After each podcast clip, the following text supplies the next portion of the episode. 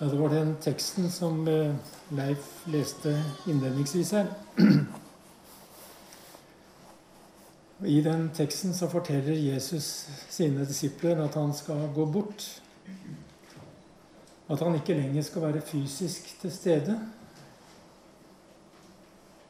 Og det vi ser, er eh, disiplenes reaksjon. Dvs. Si tre av disiplenes reaksjon jeg vet ikke om dere har tenkt på det eller lagt merke til det.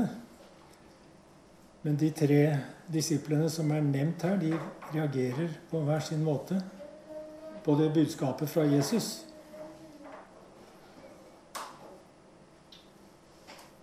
Peter, for å ta han først, han, eh, han tar liksom sats i sin egen viljestyrke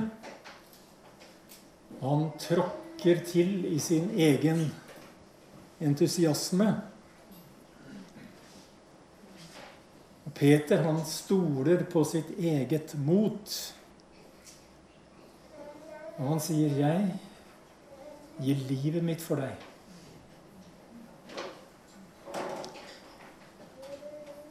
Men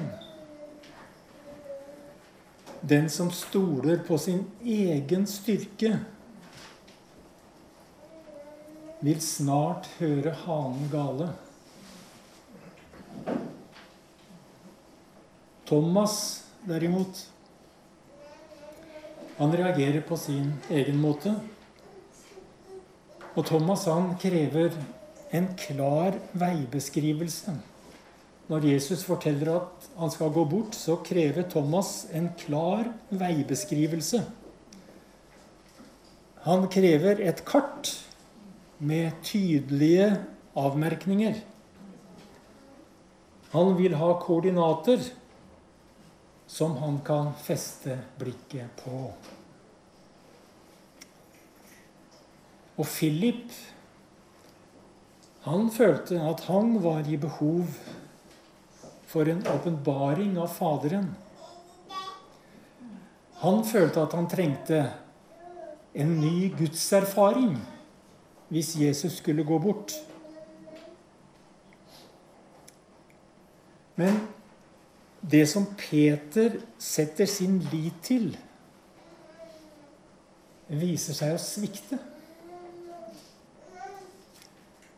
Og det Peter fikk, det var hva Jesus, det Jesus sa til han, var Simon sønn av Johannes. Elsker du meg? Jesus så ikke etter noe annet i Peter enn dette. Elsker du meg? Og Thomas han fikk ikke den veibeskrivelsen som han hadde tenkt seg. Jesus sa til ham, 'Jeg er veien'. Og Thomas måtte feste blikket på ham, ikke på et ferdig kart. Philip fikk heller ingen annen og ny åpenbaring. Han fikk ingen annen sannhet enn Jesus. Og Jesus sa til han, 'Den som har sett meg, har sett Faderen'.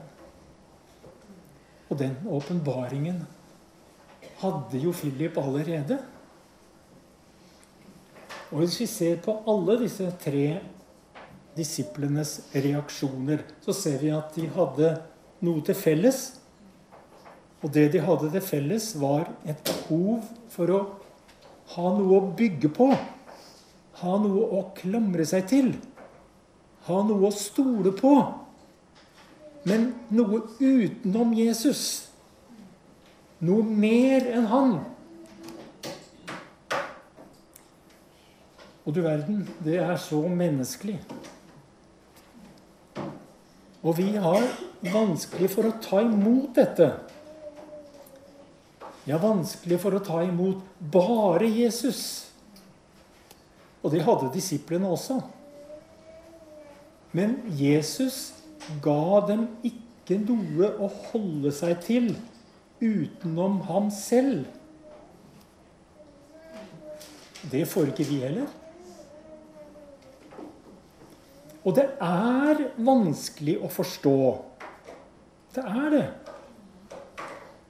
Og til oss gjentar Jesus Kjenner dere meg ikke, enda jeg har vært hos dere så lenge?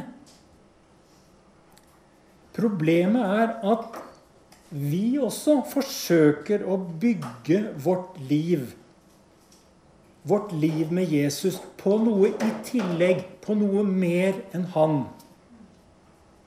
Og sannheten er at hver gang vi innser dette, og det byggverket vi holder på med, bryter sammen, så varer det ikke lenge før vi begynner å bygge det opp igjen. Men fortellingen om Jesus handler om noe som ikke er grunnlagt i våre prestasjoner. Fortellingen om Jesus handler om noe som ikke hviler i noe vi skal oppnå, eller noe vi skal få til.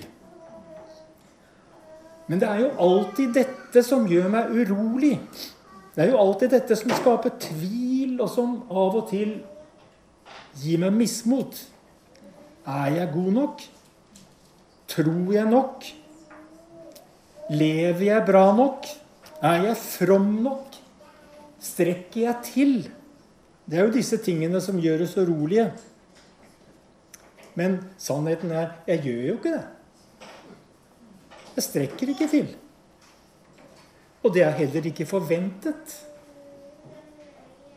Gud forventer ikke at vi skal strekke til.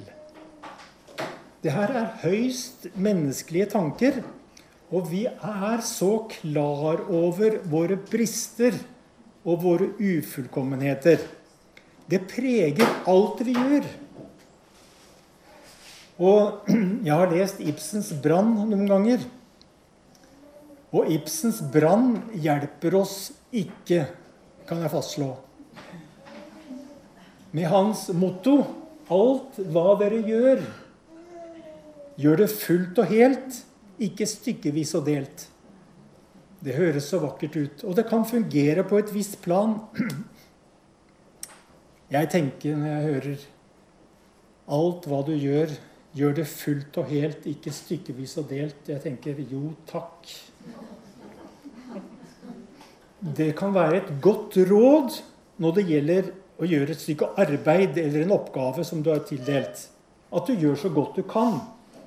Så langt så strekker det til som et godt råd, men, men som en standard for livet, folkens. Som en målestokk for våre liv. Da er dette en dyster tanke. Det er et nådeløst prinsipp. Det er en drepende idé. Jeg har levd lenge.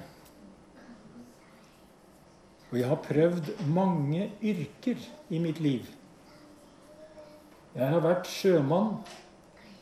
Jeg har vært dekoratør. Jeg har vært politimann. Jeg har vært redaktør. Jeg har vært designer og grafiker. Og jeg har prøvd meg som pastor også. Og i tillegg til det så har jeg vært pappa. Og jeg er pappa. Ikke minst. Og jeg må si i alt det jeg har gjort opp gjennom livet, så har jeg jo gjort så godt jeg kunne. Stort sett. Men én ting kan jeg si. Ingenting av det jeg har gjort, har vært fullt og helt. Ingenting. Alt har vært stykkevis og delt.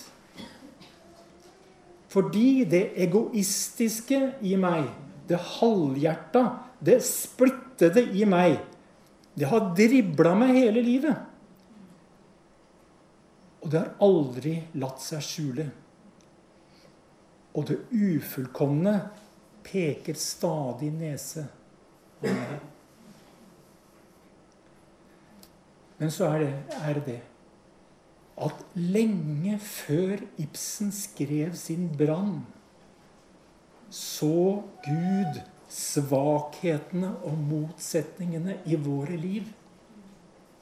Og før vi noensinne hadde tenkt en eneste tanke om oss selv, så har Gud tenkt tanker som er før oss, som er større enn oss, og som er dypere enn våre tanker.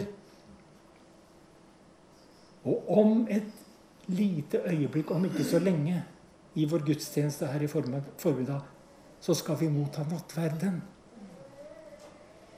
Og når vi deler ut brødet og vinen, så blir det sagt til hver og en av oss Dette er Jesu legeme og blod, som blir gitt for deg. Og det uttrykket der, vet du Gitt for deg. Det betyr betalt for deg. Det betyr at vi er frikjøpt. At vi er frigjort fra alle prestasjonenes ubarmhjertige krav. Vi er kjøpt og betalt for hans regning. Ved hans prestasjoner, ved hans fortjeneste og ved hans meritter. Hans fullkommenhet erstatter vår stykkevishet, hvis vi kan bruke det uttrykket. Alt vi forsøker å bygge på utenom Jesus, er et blendverk. Og det står bare i veien. Jesus spør ikke etter våre prestasjoner. Han bryr seg ikke om at vi ikke strekker til. Han lar seg ikke, lar seg ikke sjokkere over vår skrøpelighet. Og han vet at alt det vi gjør, gjør vi som mennesker. Og det er og blir stykkevis og delt.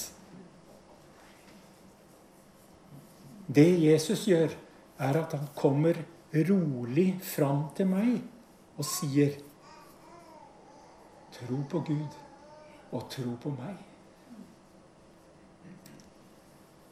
Og dermed så lander vi sammen med Peter og Thomas og Philip foran Jesu føtter. Han som er veien, sannheten og livet.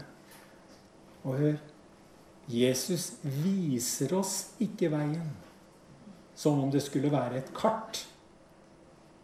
Han opplyser oss ikke om en sannhet som om det skulle være en lære. Og han informerer oss ikke om livet som det skulle være et prinsipp. Jesus er selv. Han er veien, sannheten og livet. Og det er Han som er oss gitt. Og det er Han som blir oss gitt i nattverden her i, i ettermiddag. Det er Han som blir oss gitt. Og vet dere hva? Vi trenger ikke mer.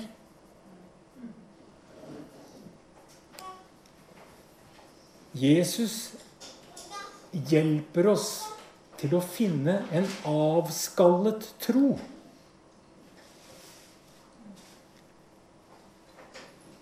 For Jesus har blitt for oss alt det vi ikke er. Og Derfor sier han, la ikke hjertet bli grepet av angst. I min fars hus er det mange rom. Jeg vil gå og gjøre i stand for dere. Jeg vil ta dere til meg så dere skal være der jeg er. Da Moses sto ensom i ørkenen på et punkt i sitt liv, Han står maktesløs og i tvil om oppgaven som Gud hadde lagt på hans skuldre. Moses skjelver innenfor Gud, og da sier Gud til ham Jeg skal la all min herlighet gå forbi deg der du står. Der du står. Og jeg skal rope ut navnet Herren. Jeg skal være nådig mot den jeg vil være nådig mot, og barmhjertig mot den jeg forbarmer meg over. Jeg skal rope ut navnet Herren. Også i dag, iblant oss, roper Gud ut navnet Herren. Og også i dag så trenger vi bare Herrens navn. Og Herrens navn er Jesus. I ham er all Guds herlighet åpenbart. Og han kommer til oss med nåde der vi står. Det var alt Moses trengte for å utføre sitt oppdrag. Og det er det som er gitt til Peter og Thomas og Philip og til oss.